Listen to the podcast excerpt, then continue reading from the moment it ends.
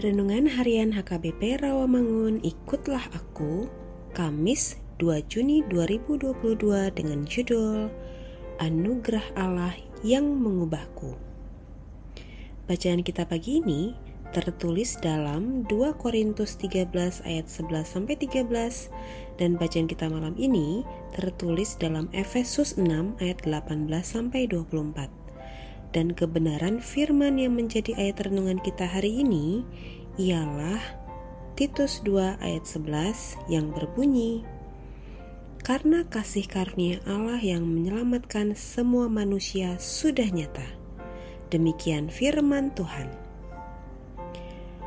Sahabat ikutlah aku yang dikasihi Tuhan Yesus.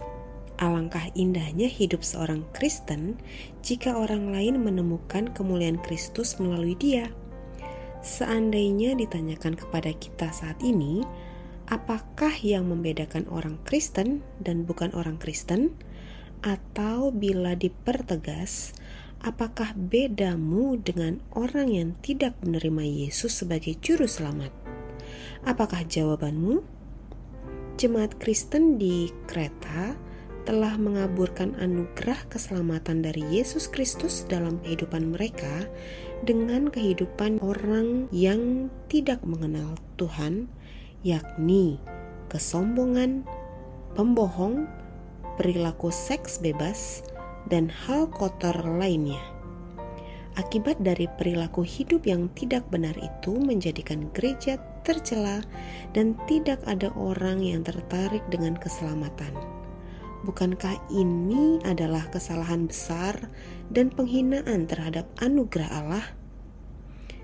Kristus tidak mati tersalib dan mendirikan gereja hanya untuk dipermalukan kembali oleh mereka yang telah ditebusnya.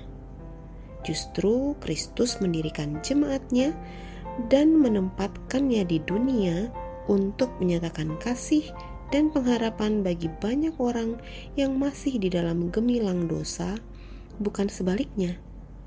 Saudara, Tuhan telah menyatakan diri dan kasihnya kepadamu untuk dinyatakan di tengah dunia dalam kehidupanmu saat ini.